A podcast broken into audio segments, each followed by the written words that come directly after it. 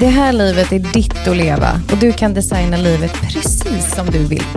Välkommen till Self Mastery Podcast. Här kommer du få forskningsbaserad fakta blandat med det senaste inom mentalt välmående.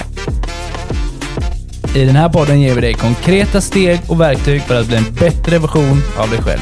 Så höj upp volymen. Vi hoppas att du ska känna dig motiverad, inspirerad och utmanad.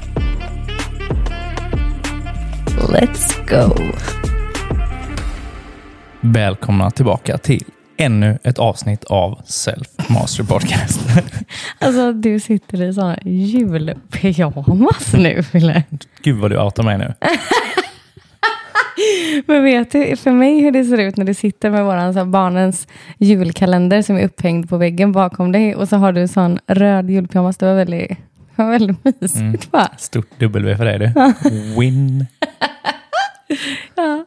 Du, innan vi drar igång det här dagens avsnitt så vill jag börja med att säga tack till alla er som lyssnar och sprider och delar de här för att vi är nu Sveriges nummer ett största podd när det kommer till hälsa överlag i Sverige. Vilket är helt otroligt. ja, verkligen helt otroligt. Tusen tack allihopa. Det här Ja. började som en Fan, ska vi inte ha en podd också? Nej, men, och jag Och nu är vi här. Ja, vet du vad? Det är faktiskt när vi gick ut med nu att det, vi hade fått den här eh, fina nomineringen till att det faktiskt är Sveriges största podd. Nominering heter det inte, men att vi stod på topplistorna. Liksom. Då var det faktiskt ett antal personer som hörde av sig och sa grattis och sa så här, jag minns när du sa att ni så himla gärna ville ha en podd. Mhm. Det var ju ganska länge jag, jag framförallt tjatade om den här podden och hade så himla stora liksom, visioner och det inte fanns. Mm. Och sen så skulle det bara vara en sån liten kul grej vi gjorde ute på höften. Liksom. Mm.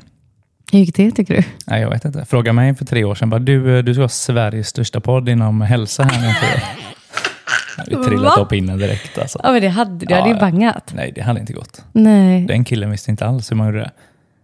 Nej, vad sjukt. Vad långt bort det känns. Tre år sedan? Ja, Ja, det är långt bort. gör Det är också bort. för att du hade ett liv innan mig och ett liv nu med mig. Ja, Ja. Du med det. Ja. Ja.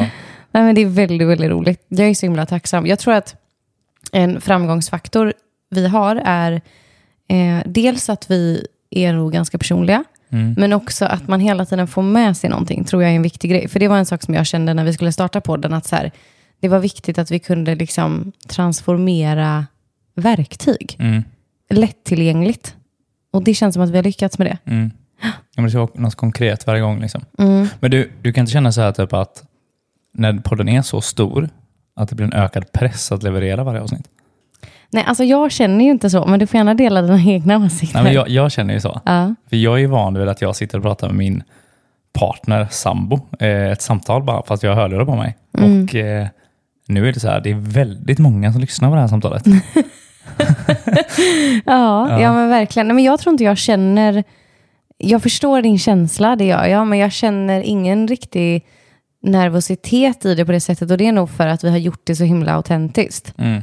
Att vi har liksom hela tiden försökt att vara så ärliga vi kan, så mycket vi vi kan. Och då, uppenbarligen, så räcker det med att vi fortsätter att göra det vi gör nu. Ja. Because it works. Och vi, vi är fan bra på det. Ja, verkligen. Ja. Ja.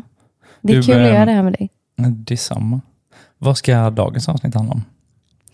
Dagens avsnitt ska handla om mindset. Mm. För att vi har blivit efterfrågade det ganska mycket i vårt community Self Mastery Club. Ja, de fick ju rösta fram vad de ville ha mer av här nu. Yes. Och det var det Mindset som tog eh, första plats. Ja, och jag tycker det är lite roligt, för vi tjatar ju hela tiden om deras mindset i Mm. olika områden i deras liv, eh, i vår plattform. Mm. Så jag tyckte det var underbart att de ändå ber om mer av det. Eh, att de inte är trötta på vårt tjat, liksom, Mm. när det kommer till just mindset. Ja, allt, allt börjar ju där. Ja, ja, visst. Rätt mindset kan du förändra hela ditt liv. Ja, verkligen. Jag tycker det är ganska roligt också när man tittar på hur vi bygger upp våra onlineprogram och våra klienters resor. Då har ju vi, när vi har byggt våra liksom steg, metoder, hur man ska ta sig framåt, då har vi flera gånger försökt flytta på mindset till typ att nej men vi tar det som steg tre. Eller Mm. typ så här. Men det blir ju aldrig det. Nej. Det slutar ju alltid med att vi bara, nej vi måste ha det här först. För Ja. kan vi få människor att ha rätt inställning, då kan man förändra vad som helst. Mm, precis. Och det är ju någonstans där, just den inställningen du har till vad du ska göra kommer påverka resultatet du får. Mm. Det är mindset. Mm. Det är också den största förändringsfaktorn kan jag uppleva som man gör hos människor när liksom poletten trillar ner. Förstår du vad jag menar då? Mm, utveckla. Ja, men när de blir så här, jaha, jag kan välja. Mm. Jag kan se det på ett annat sätt. Mm. Jag får bestämma hur jag vill formulera det här. Mm. Då händer det ju någonting. Och jag kan också se att det är då man växer ifrån andra människor. För att helt plötsligt så har man liksom, kan man se på saker med andra ögon. Och då helt plötsligt så bara ifrågasätter man kanske människor runt omkring sig. Och om inte de då vill hänga med på att byta view, som jag gör, Mm. då kan det bli lite ensamt. Visst? Mm, precis. Vad skulle du säga är största skillnaden på dig idag med det mindsetet du har nu och mindsetet du hade innan du blev medveten om att du var tvungen att förändra det? Ja, kul att du säger så, för jag skulle säga medvetenheten. alltså verkligen, att jag, jag är medveten om vad ett mindset är. Och jag är medveten om när jag hör när jag har en egen begränsning. Det gjorde jag inte innan. Utan innan var det bara någonting som var där. Men idag så vet jag ju om att, okej shit, där satt det en begränsning. Eller typ, oj, vem är jag att säga så? Om jag skulle liksom tänka typ att, nej men det här går ju inte. Så bara, vem är jag att tänka så? Ja, men precis. Men jag tror en, en av mina största framgångsfaktorer personligen också är att jag har ett jävligt schysst mindset. Eh, för jag tror inte att människor som är... Nu går det att diskutera när jag väljer att säga framgångsrik vad det är för någonting. För någon kanske det är pengar, för någon annan kanske det är en harmonisk livsstil. Whatever it is for you. Så tror jag att framgångsfaktor överlag för Vänta, mig... du kommer inte undan här. Vad är framgångsrik för dig? Ja, men för mig handlar det om att jag är tillfreds med vem jag är och att jag får fylla mitt syfte på jorden. Fint. Ja. Och för mig så är ju framgångsfaktorn väldigt hög när du har rätt inställning. Alltså det är den som har tagit mig hit där jag är nu. Det är, liksom, är, det, är det ansträngning också? Absolut. Är det blod, svett och tårar? Definitivt. Men utan min inställning till att jag fixar detta, eller jag kan detta, då hade det ju aldrig gått. Nej, precis. Så det är ju jag själv, men också du, framförallt människor i min närvaro som har bidragit till den inställningen jag har till att ta mig an det som står framför mig. Mm. Jag tror att det är jättevanligt, framförallt hos entreprenörer. Att det är liksom din inställning, ditt mindset som avgör hur långt du kan gå. Mm. Men alltså med den kunskapen du har idag, tror du människor, många människor vet vad ett mindset faktiskt är? För det tror inte jag. Jag tror att människor fort hade svarat att de vet, men att de också kan vara väldigt omedvetna om sitt eget. Mm. Förstår du? Det är väldigt lätt att se någon annan Mm. och säga typ att ah, nej, men hon har så dålig inställning eller han har det. Men eh, det är inte alla som har ställt sig och tittat sig i spegeln på de här fronterna. Nej, precis. Det tror jag är- få förunnat att våga göra, för det är rätt jobbigt. Mm. Och det är inte kul när man inser att man hittar begränsningar. Är det värt det? Ja. Blir det kul när jag vågar se på dem och förändra dem? Ja. Men det är ju, gör ju lite ont ofta. Ja. Vad skulle du säga själv är största skillnaden på ditt mindset idag och ditt mindset för ett antal år sedan? Oj. Nej, men att jag växer i det. Och som du säger, medvetenhet. Att jag förstår vad det är nu och jag har liksom makten av att kunna påverka genom hur jag tänker, alltså genom tankens kraft. Det är den stora skillnaden. Och mycket också att jag är, jag är inget offer idag. Jag, ä, jag äger min egen situation, jag äger e- mina egna problem, jag äger mig själv. Snarare än att det är någon annans fel, eller jag är bitter på någon annan, eller jag anklagar någon annan. Så, att, så har jag tagit liksom allting i kontroll till vad jag faktiskt kan göra, vad jag kan påverka. Det skulle jag säga är största skillnaden. Har du med dig liksom ett schysst mindset från när du var liten? Dels. Dels har jag Utveckla. det. Nej, men jag har det att eh, jag har ett mindset att det finns ingenting jag inte klarar av. Alltså varenda utmaning kommer jag behöva pröva innan jag kan säga att jag kan inte det. Okej, okay, får man ställa följdfrågor här? Ja, kan det vara. Men har du det mindsetet för att någon har sagt det till dig eller för att du har sett någon ha det? Det, har jag, det är nog medfött det här. Jag vet mamma berättade ett, ett, eh, en grej för mig när jag började skolan. Eh, Då var jag ny. Många killar kände varandra sedan in dagis innan och eh, det kom ett gäng på ett par cyklar, liksom. Vänner till mig idag. Och sa att du får inte vara med och leka. Mamma förväntade sig att jag skulle bli ledsen för att jag inte fick vara med, men jag var ju bara håll käften, jag ska visst vara med. Så jagade jag efter de här killarna på cykeln. Liksom. Jag, jag ska vara med. Och det var ingenting som mamma hade sagt till mig att det skulle vara, utan det var ju någonting som bara satt i mig att jag, jag ska visst vara med. Så får inte du säga till mig. Och det är del av en mindset det här. För det, det är liksom din självbild. Och den har ju inte en sexåring kanske skapat, utan någon annan har det, satt den där från första början. Mm. Så någonting av det var medfött, ja absolut. Mm. Har eh, din mamma, ger hon fortfarande de här killarna betalt eller? Idag? Ja, inte vad jag vet, hon har aldrig erkänt det högt i alla fall. Nej men också så här, det är, alltså, det är ingenting som är omöjligt för din mamma. Morsan är. Nej, alltså Nej, hon det har ju- här är en stridsvagn. Ja, så hon har ju också verkligen showed you the way Ja, ja. i det tänker jag. Det Alltså är det, så du, det är det du menar när du säger att det är medfött? ja. Ja, att du har sett det hemma liksom. Ja, det är så. Fast, fast alltså, grejen är ju att du får ju en alltså, ditt mindset implementeras av andra i väldigt tidig ålder. Alltså, ett mindset är, definitionen av ett mindset, är en mental ram eller lins som selektivt organiserar och kodar informationen du tar in. Jag föreläser ju om det här ute på företag ganska ofta. Ja. Och just när jag beskriver ett mindset som den här mentala linsen som du har på dig, så har jag med mig olika glasögon i olika färger för att beskriva hur du kan se på saker. Så jag har med mig ett par röda, ett par gula och ett par gröna glasögon. Och De representerar den här mentala linsen som vi kan se på saker genom. Okej? De röda glasögonen de representerar ett statiskt mindset. Ett statiskt mindset, det är, alla har delar av ett statiskt mindset. Och Ett mindset behöver inte vara att du är svart eller vit, utan du kan ha flera olika delar av någonting. Men just ett statiskt mindset är ganska begränsande överlag. Det är att du är, jag kan inte det här. Det går inte. Om du inte hade sagt så, så hade det här aldrig hänt. Man, man ser liksom inte till sig själv riktigt, utan allt annat är jobbigt. En utveckling blir liksom en ansträngning och därför blir det liksom en, en motgång nästan. Är du med mig? Mm. Sen har jag med mig ett par gula glasögon. De representerar ett dynamiskt mindset. Alltså att du är lite lösningsorienterad. Thomas Edison, mannen som uppfann glödlampan. Eh, Jag har inte hört honom säga detta, men han sa någonting i stil med jag har kommit på 3000 sätt hur man inte gör en glödlampa. Men jag behövde bara ett försök för att lyckas. Den här mannen hade uppenbarligen inte ett statiskt mindset, för i så fall hade han gav, gett upp ganska tidigt för att han har haft 3000 misslyckade försök. Utan han har ju sett varje misslyckande som en lärdom här. att Okej, till nästa gång ska jag inte göra så, utan jag ska prova det här istället. 3000 försök senare så har han löst den här fantastiska glödlampan. Han hade inte klarat det om inte han hade en inställning redan att han ska lära sig processen.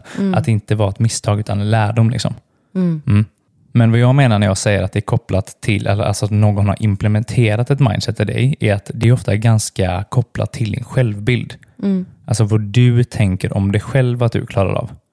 Är du med mig? Vi bär ofta med oss falska sanningar om vilka vi är eller vad vi klarar av att prestera. Jag hade en gammal chef som sa till mig att jag alltid mumlade. Att det gick inte, det gick inte att höra vad jag sa. Så jag skulle aldrig kunna klara att prata framför folk eller leda en grupp. Nej, watch me now bitch. Ja, men lite så. Men det där då blev min verklighet. Alltså han satte på mig ett par väldigt röda glasögon i en situation som handlade om att tala inför folk. Och det blev min sanning. Och vad jag menar med det är liksom att du behöver inte ha valt det mindsetet du har, utan det kan någon annan ha satt där. Du kan fått höra när du var liten att du är på ett visst sätt. Eller fan vad du gjorde så här. Och så sitter det kvar. Och så blir det en begränsning för att någon annan har sagt det och därför utmanar du inte och därför står du fast i det. Ja, men alltså, tänk hur mycket självtvivel som håller människor tillbaka när det inte är de själva som har sagt det från början. Ja, Alltså helt sjukt mycket. Om du, om du hade satt dig ner och skrivit ner alla självtvivel du har så kan jag garantera att en stor del av dem är inte ens dina egna ord. Om du ställer frågan efter meningen, vem har sagt det här till mig? Så visar det sig till slut att liksom, det är inte ens jag som har tänkt det här från början. Nej. Men det har satt sig så jäkla hårt. det finns ett ganska coolt sätt att utmana sig själv här. Och det är om du frågar dig själv så här. Vad är jag bra på och varför är jag bra på detta? Mm. Vad är du bra på? Jag är väldigt bra på att inspirera andra människor till förändring. Varför är du bra på det här? Varför är jag bra på det? Nej, men för att jag tycker det är sjukt kul. Och det tror jag märks. Mm. Och jag är väldigt duktig på det för att jag är väldigt insatt på hur beteende ter sig. Mm. I, alltså rent vetenskapligt. Liksom. Och jag är också väldigt erfaren inom det, Ja. antar jag. Yes. Ja. Ja, men det, det är här någonstans. Kolla. Du har ett yrke som du brinner för, Mm. som du är duktig på, som du får validering av andra människor. Du får ofta höra att du är bra på, det, på detta. Mm. Du har Sveriges största podd i, om personlig utveckling. Du läser studier. du coachar människor fram, du jobbar med företag, alltså du i princip knarkar personlig utveckling. Är det konstigt att du är bra på det? Nej, makes sense. Mm. Det är också därför att den här självbilden du har av att du är duktig på ditt jobb, Mm. den störs inte när någon kommer in och säger, typ som kommer in och hatar på oss till exempel, som Mm. ifrågasätter saker eller bara vill illa egentligen. Du menar som förra veckan när jag fick en kommentar på Instagram där det stod att jag skulle skaffa mig ett jobb? Ungefär dem, ja. Precis. För den, alltså, negativ feedback gör ju, jag tycker fortfarande det gör ont. Men någonstans rubbar inte det min självbild. För jag är ganska satt i mitt mindset här i vem jag är och varför jag är bra på detta. För att jag, för att jag kan det. Är du med? Men om man vänder frågan till vad är jag inte bra på? Och varför är du inte bra på det? Då dyker det ganska ofta upp någonting som är kopplat till någon annan. Är du med? Du kanske försökt någonting som gjorde ont. Du gjorde en läxa. Du eh, skämde ut dig.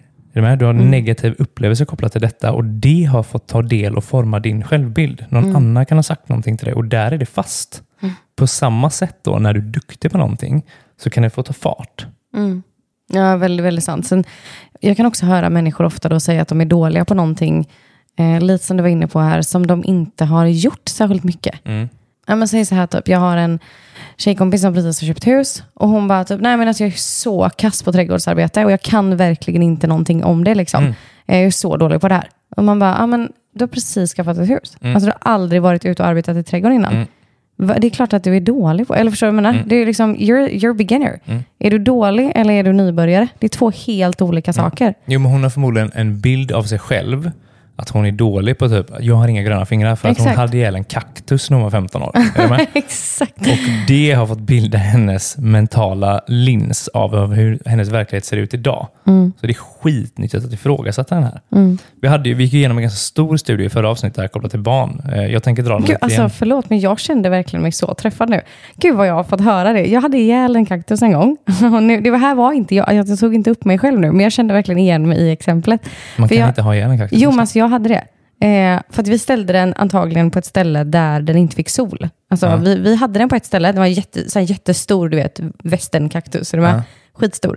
Och sen så flyttade vi och placerade den på ett annat ställe och då tror jag inte att den fick så mycket sol. Så den typ ruttna. Och typ, alltså jag fick höra det så länge. Eh, och det, det är verkligen, ja, det var inte därför jag tog upp exemplet, men jag kände igen mig i det när du sa kaktus. Att bara, gud vad jag själv har en bild av att jag inte är bra på blommor liksom. Och sånt. Men för här- att jag har fått höra det här om den här. jävla kaktusen. Ja, det är ett skitbra exempel. För där hade du kunnat bli helt begränsad. Ha ta på ett par väldigt röda glasögon av att jag har fuckat upp detta. Här är stopp. Jag kommer aldrig uppfostra en blomma. Eller uppfostra en blomma heter det inte. Fast det är typ så det känns nu. Det är ju mina små barn här hemma liksom. Ja, men för, för, föda upp, vad fan säger man? Plantera, ta hand om en blomma? Vad, vad heter det? Vad säger man? Grow plants. Jag Grow plant. Okej. Nej, men för idag, vi har ju väldigt mycket gröna grejer här. Det är otroligt hemmigt. Det är nästan lite tropiskt vissa delar av året. för det är väldigt mycket gröna saker här. Ja, men där har ju du Vet du hur mycket då, kärlek alla får eller? Jag jag pratar märker- med dem och sånt. Ja, Är det ett annat avsnitt Ja, eller? det är ett helt annat avsnitt. Jag Nej, men det är gör med vad jag det. menar här. Ja. Du hade kunnat bli begränsad av det. Istället så kanske du fick en sån liten jävla anamma att jag har fan, fan visst gröna fingrar, det ska jag visa dig nu. Och så jag har en jävla massa växter här. Men många människor blir begränsade där. Av att någon annan Mm. Men jag var nog det ett tag kände jag nu när du sa det. Typ. Men det är skönt att se att det har gått över här då. Ja. Ja. Men jag tänker, eh, jag var inne, vi pratade om en väldigt stor studie i förra avsnittet Mm. eh, om barn och där just det här hur du har fått beröm som liten kan ha påverkat vilket mindset du har idag. Mm, jag tycker fortfarande det är jobbigt att prata om den där studien. Alltså, det var Mm. Ja, så den, jobbigt. den är lite läskig, men jag, jag drar den kort. Eh, det är alltså en studie då för att ifrågasätta om det är verkligen nyttigt för barn att få höra att de är smarta utan att ha ansträngt sig. Och jag har ju alltid talat så till eh, Jolin till exempel, att du, du är Sveriges smartaste femåring, har jag alltid sagt till henne. Mm. Och enligt den här studien då ska det kunna begränsa ett barn snarare än att hjälpa dem. Visst är det bra att stärka någons självbild av att du är, att du är någonting positivt, att Mm. du har fina egenskaper. Men just när det kommer till att det är kopplat till prestation så kan det istället hämma dig. Mm. Så I den här studien då så hade man tre grupper, varav en kontrollgrupp. Ena gruppen får beröm när de gör uppgifter i skolan och de får beröm på olika sätt då, baserat på vilken grupp de är med i. Så du, ena gruppen får beröm baserat på att de är smarta, på intelligens. De sätter etikett på barnen. Att gud vad smart du är, vad duktig du är. Medan den andra gruppen fick beröm baserat på att de anstränger sig. Jag ser att du har ansträngt dig. Gud vad tid det måste tagit. du, du måste varit så koncentrerad när du gjort det här. Så att ansträngningen i uppgiften blev deras validering, om man säger så.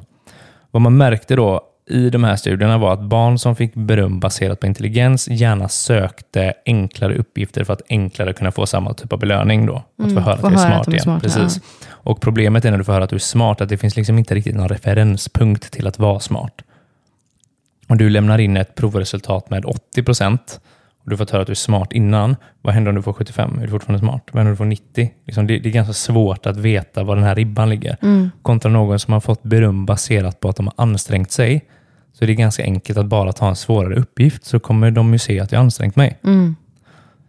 Vad man fick ut av studien var ju att det kunde hämma barn genom att tala till dem på det här sättet, genom att sätta en etikett på deras intelligens, för det kopplades ganska snabbt till deras identitet. Mm. Kontra barn som fick beröm baserat på deras ansträngning blev också kopplat till deras identitet. Mm.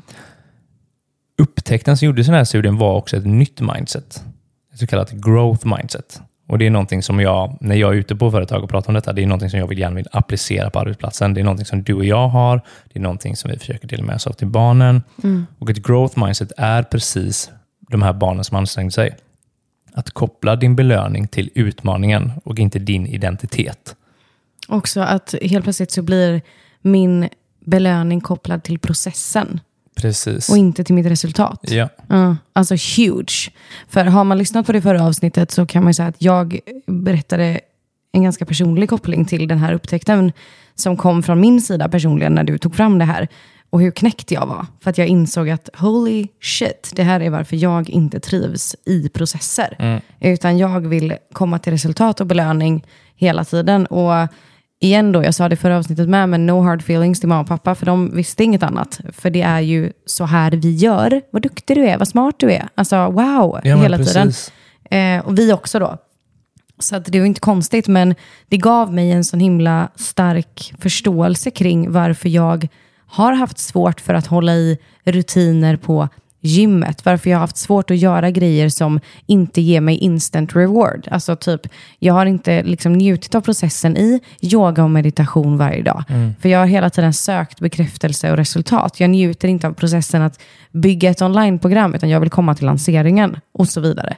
Så för mig var det ju jätte, jättestort att få hitta det här. Men en grej som jag tänker att jag ska dela med mig av nu till dig, som jag inte har sagt faktiskt, eh, innan jag säger det här i podden, är att vi började ju för inte jättelänge sedan förändra hur vi berömmer barnen i, kopplat till detta. På tal om att du sa till Jolin då, typ att hon är smart och så, så har ju du och jag tänkt på hur vi berömmer dem nu istället. Visst? Och så coolt Fille, i torsdags när hon hoppade in i bilen på väg hem från skolan, så har hon med sig pyssel hem som hon har gjort. Och hennes standardkommentar har alltid varit, eh, tycker du att jag har varit duktig?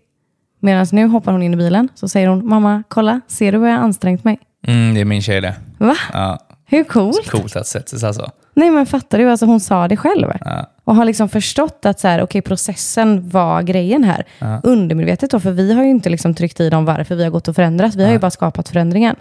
Och, och det är just det. De, behöver, alltså, jag tror, de förstår ju inte detta där Nej, och nej. då. Och det gjorde inte vi där och då. Det är inte våra föräldrar där och då. Alltså ett mindset är inte medvetet. Det är någonting som är medfött. Det är någonting du har fått ett par glasögon som någon annan satt på sig. Mm. Men det är så lika enkelt som det har varit nu då, inom situationstecken enkelt, Mm. att ändra detta typ ur bara hur vi talar till våra barn så kan du ändra detta på dig själv med som en vuxen människa. Liksom man kan lära en gammal hund sitta. Det Mm. Men det är lite jobbigt. Det är det absolut. Ja. Och, och det är också en, så här, en väldigt medveten process. Men nyckeln till ett sånt här mindset är något som heter neuroplasticitet. Och neuroplasticitet är när två hjärnceller bygger en ny synaps, alltså en ny koppling mellan varandra. Och Det är därför man kan säga så här, du vet, jag, behöver sova på saken. Det är neuroplasticitet, när våra hjärnceller bygger den kopplingen för att nästa dag så kommer vi kunna det bättre. Det tar en liten stund att bygga den här kopplingen många gånger. Och neuroplasticitet, varför det funkar så mycket bättre på barn är för att den är mycket effektivare innan vi fyller 25. Då kan vi lära oss som snabbast och som bäst. Efter 25 försvinner kört? inte. Nej, det är det inte. Det alltså, funkar fram till du är 90 kan du lära dig liksom ett nytt språk innan det här är fördärvat. Men det går. Med tankens kraft så går det. Men för att kunna göra det också då, om du skulle vilja implementera ett nytt mindset, då behöver du skapa en medvetenhet om vad du har idag. Liksom. Mm. Vad är det som begränsar dig idag? Har du ett par röda glasögon på dig ganska ofta, då kommer det bli väldigt svårt. Så Du kommer liksom behöva se dig själv i spegeln först för att se, okej, det är de brillorna jag har på mig. Mm. Nu har jag skapat en medvetenhet om det. Nu kan jag först börja förändra det. Mm. Och det är en process alltså. Jag tycker så här, lyssnar du på det här nu så ta dig en liten minut och fundera själv. Vilka glajjor brukar du ha på dig dagligen? Är du en person som är så här, nej men jag är sån, eh, det här kan jag inte, det här går inte, ja, det blev så för att den andra personen gjorde så där. Eller är du en person som ifrågasätter typ, okej vad kan jag lära mig här? Mm. Det kan ju vara en fin grej och under tiden man lyssnar nu bara ta en liten tanke kring det här. Min spontana tanke är att många av er har ett dynamiskt mindset för att den här podden intresserar er överhuvudtaget. Väldigt Men att det också sant. finns väldigt triggade situationer när de här röda glasögonen flyger på. Mm. För, jag, för mig så upplever jag ju att de befinner sig hos mig om jag är triggad. Ja. Är jag medveten, närvarande, då existerar de inte. Nej. Kan du känna samma sak? 100 procent. Och det, jag tycker det är viktigt att säga det, för att man har inte bara ett par briller på, oss, på sig. Man har olika i olika situationer. Men just som du säger, att vara, när jag är medveten och närvarande, då kan jag välja vad jag vill ha. Och det, det, det är hela det som nyckeln är. Liksom. Att skapa en medvetenhet, för det är då du kan göra förändring. En medveten människa har ett val. När du icke är medveten, då går du på autopilot. Då kommer du reagera, du kommer triggas, saker kommer dyka upp och du kommer alltid göra som du brukar göra. Men genom att liksom titta dig själv i spegeln och skapa en förståelse om varför du är som det är och hur du vill göra istället, då har du helt plötsligt en handlingskraft. Då är du medveten. Men jag har lite frågor till dig om hur man liksom kickar igång en sån här förändring. Mm. Men innan jag ställer de frågorna så tänker jag att du ska få berätta vad du har eh, in mind för våra kära SMC-are. Mm. Eh, Det här vi pratar om nu, alltså ett mindset. Vi kommer göra en djupdykning i SMC i en workshop den 7 12 nu i december. Där jag kommer bryta ner de här ännu djupare. Och det jag kommer förklara, eller vi kommer förklara exakt hur du går tillväga för att skifta ett mindset. Så jävla kul tycker jag. Mm. Och är man ny till podden så vill jag säga att Self Mastery Club, vårt community, kostar 249 kronor i månaden och är helt utan bindningstid. Så där kan man bli medlem och framförallt lära känna andra medlemmar om man vill det. Eh, Men man kan också njuta av mängder av workshops och föreläsningar som ligger online i plattformen. Man kan njuta av ljudspår, meditationer, visualiseringar och massa annat gött. Ja, Finns det det är där ett stort bibliotek nu alltså. Mm, nu är det verkligen Ja. det. Det är kul. Stolt över det. Ja. Men okej Fille, om jag lyssnar på det här nu och känner så här bara shit, jag behöver ju liksom eh, tänka till här. Vad, vad är ett första steg? Ett första steg är att ställa dig de här frågorna. Alltså som jag ställer dig. Vad är jag bra på och varför? Vad är jag mindre bra på och varför? Var kommer det ifrån? Alltså vem har, har någon, eller så här, vad har jag fått höra att jag är bra på? Vad har jag fått höra att jag är mindre bra på? För att liksom börja utforska lite, typ, var, var kommer de här grejerna ifrån? Är, det, är det sant? Är det falska sanningar jag bär med mig? Är det någonting jag vill ha kvar? Är det någonting jag vill förändra? Är det någonting jag kan förändra?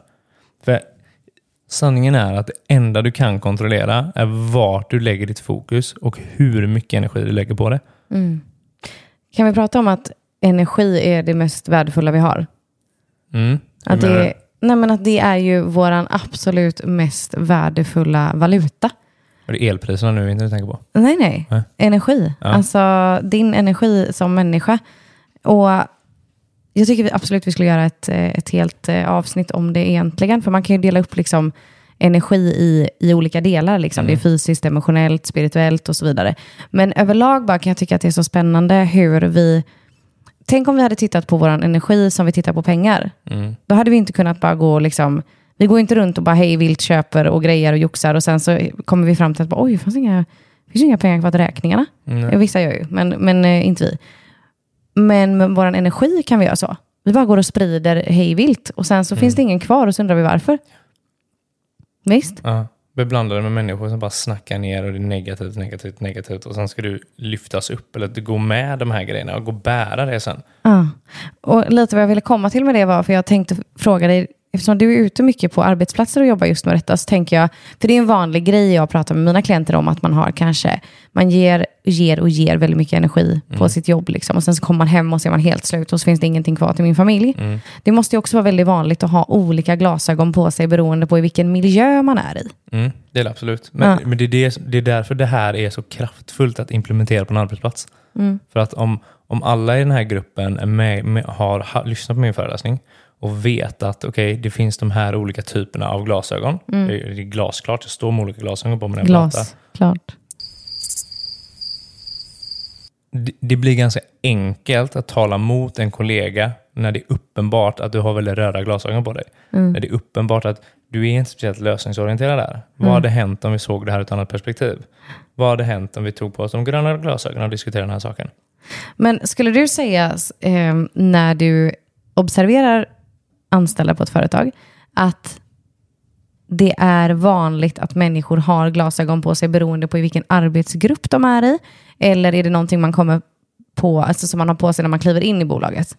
Kan det vara lite så här, bara, här har alla röda glasögon, det Ja, det kan det vara. Alltså, det kan bero på många saker. Det kan vara företagskultur, är du med? Det kan vara grupperingar. Rödkultur, liksom. Ja. Nej, men det, alltså, det kan bero på hur många olika saker som helst. Men genom att, att få komma ut och tala, då skapar jag ju någon form av medvetenhet. För att precis som till dig som lyssnar nu, som kanske känner sig bara, fan, jag har nog ganska röda briller på mig ändå. Nu när du vet det, it's no turning back. Är du med? Mm, det är så jobbigt att tänka Ja, så. jag har outat dig alltså. Nästa gång du hamnar i en situation Mm. och om du har skapat en medvetenhet, givetvis, då kommer du ha ett val. Men, åh, kan vi prata om hur ofta vi känner så här när vi lär oss någonting? Åh nej. Ja. för, det är, för det är alltid no turning back. När man bara, "Nej, men vad fan, har öppnat den dörren. Alltså jag vet, Alida sa det till mig häromdagen, typ. hon bara, det är ju helt kört för mig nu. Japp. När jag har lärt mig detta och detta och detta, jag kan ju inte gå tillbaka. Japp. Nej men det går ju inte. Nej. Men och vad jobbigt det är liksom. Du kom nu sist när du kom från Primal igen. Du bara, då var det något nytt ni hade pratat om i typ kosten och grejer. Och du bara, helvete. Ja, men det, Nu vet jag det här. bort valnötter för mig nu. Jag känner bara, fan, jag kan inte åka ner hit, men jag kan inte äta någonting när jag kommer hem. Nej, men, ja, men alltså, det är väl hårdraget, men jag hör vad du säger. Det är just den här, typ, när du öppnar den här dörren till personlig utveckling. Mm. Alltså, jag har ju önskat så många gånger, bara, fan skulle jag in här och göra? Nej, alltså jag har typ haft det emot min axel. Bara, jag orkar inte mer. Nej. Nej. Stäng den jävla dörren bara. Ja. Men det är också fint Ja. att få göra den här resan och den här upptäckten i sig själv. Liksom. Jag, jag vet att jag många gånger yngre letade efter någon form av mening med livet. Typ. Mm. Och sen när jag landade i att jag upplevde att jag hittade väldigt spirituellt meningen med livet och att det bara var att vara här och att upptäcka mig själv. Mm, mm. Det var så fint att få känna det. Att det, det behövde inte vara mer och Nej. inte mindre heller. Utan det var liksom att, att uh, käka glass i stolen och förstå mig själv typ. Fint. Ja. Men jag vill också säga att med, alltså om du lyckas implementera ett, ett nytt mindset, alltså kraften i det är ju att du kan ju implementera det på allting sen. I din träning, i din relation, i ditt stresstänk, i, ditt, i din idrott, alltså i din prestation, i vad som helst kan applicera det här. Ja, Kan du inte bara snälla förklara lite skillnaden på hur mindset skulle kunna förändra din syn på stress? Utan att ge oss två timmar, Fille. Mm, okej. Igen, inställningen du har till utmaningen kommer att avgöra resultatet. Jag jobbar ju ganska mycket med hockeyspelare idag också. Och där snackar vi mycket om nervositet. Vad ska de andra tycka? Eh, alltså inte de andra på plan, men typ de på läktaren eller hur man kommer på en viss nivå där det kommer en, en press. Bli bedömd liksom. Ja, precis. Och vad vi har gjort då är att vi har brutit ner vad stress är, alltså vilka hormoner det är som fungerar i kroppen och vad de gör. Och när vi separerar dem, då låter det helt plötsligt ganska nice. Då är det så här prestationshöjare. Alltså skulle du vilja i en hockeymatch att eh, du hade en ökad kognitiv förmåga så att du kunde reagera snabbare och läsa av spelet bättre? Ja, det hade jag velat kunna göra. Okej, jättebra. Hade du velat eh, ha en extra boost av bränsle i kroppen så du kunde spela fem minuter till eller fem sekunder till varje byte? Ja, det är alla också ganska intresserade av. Jättebra, då har vi två. Skulle du vilja ha en ökad syresättning i kroppen så att ditt hjärta kunde pumpa ut eh, syre snabbare till musklerna så att du kunde åka lite snabbare? Ja, det är också väldigt intressant. Okej, då har vi tre stycken stresshormon. Vi har adrenalin, noradrenalin och kortisol. Men när vi kombinerar de här tre, då blir det en kemisk reaktion i kroppen som känns fysisk och den är inte nice. Men genom att bara ha ett mindset att du vet vad de här tre faktiskt kan göra med dig, då, ser du på det, då kan du se på dem på ett annat sätt. Och igen då, inställningen till utmaningen kommer påverka resultatet. Det kommer fortfarande vara en onaj känsla i kroppen. Det kan ingen säga något annat om. Men om du går in på gymmet eller du är ute och springer och du är på bristningsgränsen där du inte pallar. Du vet någonstans att det är värt det. Jag kommer få ett bra resultat. Och där kan du stå emot en oskön känsla. För du vet att det är värt det. Det är samma sak som händer i kroppen. Det är stress. Jag känner verkligen så nu när jag föreläser, alltså och står på scen överlag, att eh, från att ha gått till att den här känslan innan, så precis samma, samma respons som hockeyspelarna har, innan var det en jobbig känsla. Nu kommer den så blir jag ju lite så här, oh, hello friend. Ja. Och så vet jag vad den faktiskt gör för mig och att det är någonting positivt, vilket betyder att jag slår inte på ett liksom medvetet alarm. Utan jag är väldigt så här, typ, okej här är den känslan, den behöver jag idag, let's go. Och sen så minnar den ju ut efter de första minuterna. Men jag tycker ju idag om påslaget och känner, hade det inte varit där innan jag går ut på scen, då hade jag ju känt bara, vad är det här? Mm. Vill du höra en teori här då? Mm. För att jag har också det innan jag går upp och kör igång, att jag är, ju, jag är nervös. Och jag känner det i kroppen. Jag tycker inte det är nice. Men det försvinner ju alltid så fort du sätter igång. Vad det än är. Så går det ju över efter en stund när du väl har kommit igång. Och då tror jag att så fort du skiftar ditt fokus från ah, vilken jobbig känsla jag har i kroppen till vad du faktiskt ska göra, då försvinner, då tas den makten bort över dig. För då känner du inte längre, utan du gör någonting. Och då är det kvar i kroppen, bara att du inte reagerar på att det finns där. För det går alltid över när så fort du sätter igång. Det är bara jobbet innan. Mm. Och jag tror också att det är typ eh, kroppens sätt att säga bara, vi är sjukt redo, vi kan fly när som helst och sen så bara, aha, det var inga tigrar. Okej, ja, nej, men då kan vi göra det här. Alltså det är återigen ett bevis på att det är lugnt här, det är ingen fara liksom. Precis. Men jag har en fråga till. Mm. För jag möter det här så himla ofta, framförallt bland kvinnorna som går mina onlineprogram. Mm. Om jag skiftar mitt mindset och jag börjar ha på mig de här gula, ibland gröna glasögonen hemma. Liksom. Mm. Men jag märker att jag kanske lever ihop med någon som inte alls är intresserad av att byta ut sina röda glasögon. Mm. Vad gör jag då? Han eller hon liksom, som jag delar hushåll med vill absolut inte byta ut sina röda glasögon. För han eller hon är sån. Alltså det är ju en trygghet att bara vara sån. Alltså det är någonstans en överlevnadsmekanism, alltså en försvarsgrej att inte vilja sträva efter mer. Det, det är okej här. Jag behöver inte mer. Och det här är också en nackdel, alltså baksidan av personlig utveckling. När du växer så kommer du tyvärr växa ifrån ganska många människor. Och ja, tyvärr, det kan vara din partner ibland med. Men har du en stabil partner bredvid dig och den ser att du växer så borde de ju egentligen vilja växa med dig.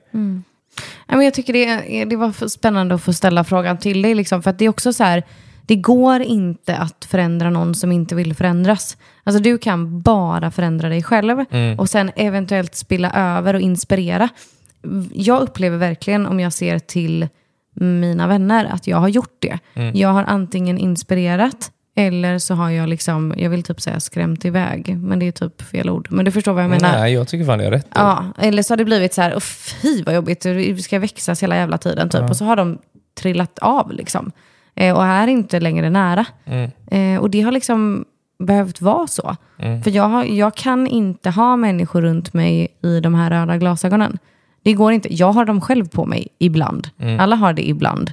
Eh, men jag kan inte liksom leva nära relationer med någon som är kvar där. Och jag tror att jag vill verkligen lyfta, jag tycker det var fint som, som du beskrev det i hur man ska tänka. Och jag tror också att jag skulle vilja säga så här, bara, det, det är okej att växa ifrån folk. Alltså det är verkligen det, för det, det är värt allt att du går och blir den bästa versionen av dig. Och får du möjligheten att byta ut de här glasögonen som du har på dig, alltså då kan hela ditt liv förändras. För du kan, som du sa, använda det i alla områden i ditt liv. Ja. I ditt föräldraskap, i din karriär, i din vänskap, i dig själv. Alltså allt, träningen, you name it. Det är inte värt att stå kvar på samma ställe för att du ska försöka bära med dig någon annan över mållinjen. Liksom. Nej. Gör inte det. Och det, och det är jävligt coolt att kunna stå rakt upp och ner och handen på hjärtat och säga bara jag, jag är det bästa jag kan vara av mig själv just nu. Och inte veta att jag har något skelett i garderoben som håller mig tillbaka. Som faktiskt vet att jag inte vågar göra riktigt fullt ut. Utan kunna stå och säga bara jag, jag är det absolut bästa jag kan just nu. Det är flex. Mm. Ja, verkligen. Och jag tycker att eh, vi har ju haft en grej mellan oss sen vi träffades. Har man lyssnat på våra paravsnitt så har man säkert hört det hundra gånger. Mm. Men vi har ju sagt så här typ att antingen så gör vi varandra till de bästa versionerna av oss själva eller så bör det inte vara vi mer. Och jag tycker det är så, en så fin regel. Typ. Gör personen du lever med dig till en bättre version av dig. Det borde räcka vid det, Mm. vid det beslutet. Liksom. Sen menar jag inte att du ska utesluta någon bara för att svaret är nej just nu. Men var öppen kanske med dialogen. Att så här, jag växer nu. You wanna come with me? Eller ska du stå kvar? För någonstans är det typ om du inte tillåts växa där, Nej, det går inte. då håller de dig tillbaka. Nej, det går inte. Alltså, jag har varit hon. Jag har varit hon som har känt att jag har typ brunnit när det, någon har försökt att släcka min eld. Liksom. Och det, it's not working. Det går inte. Det är lite som dina, tillbaka till den här växten här nu igen. Mm. Alltså de klarar ju inte att bli större och finare och starkare än hur stor krukan är de växer i. Alltså poetfille. Ja, damn. Mic drop eller? Gud, det är nästan så vi får avsluta det här. du. Ja. ja. Jag har ett par till slutord. Är du med? Ja, kör. Ja. Låt inte gårdagens smärta bli dagens perspektiv. Våga växa. Nej, fy fan. Det var allt för oss. Tack för att ni har lyssnat. Tack för att du har lyssnat på det här avsnittet. Den här podcasten är skapad endast för utbildande och underhållande syfte. Kunskapen vi som professionella coacher delar med oss av här i podden är inte individuellt anpassade för just dig. För råd anpassade just efter dig ber vi dig alltid vända dig till en professionell coach, psykoterapeut, psykolog eller annan kvalificerad yrkesperson. Vi är så tacksamma för att du som lyssnar hjälper oss att sprida podden genom att skicka den till dina vänner eller dela den i sociala medier. Vi hörs snart igen. Och du? Tack för att du aktivt väljer att bli en bättre version av dig själv.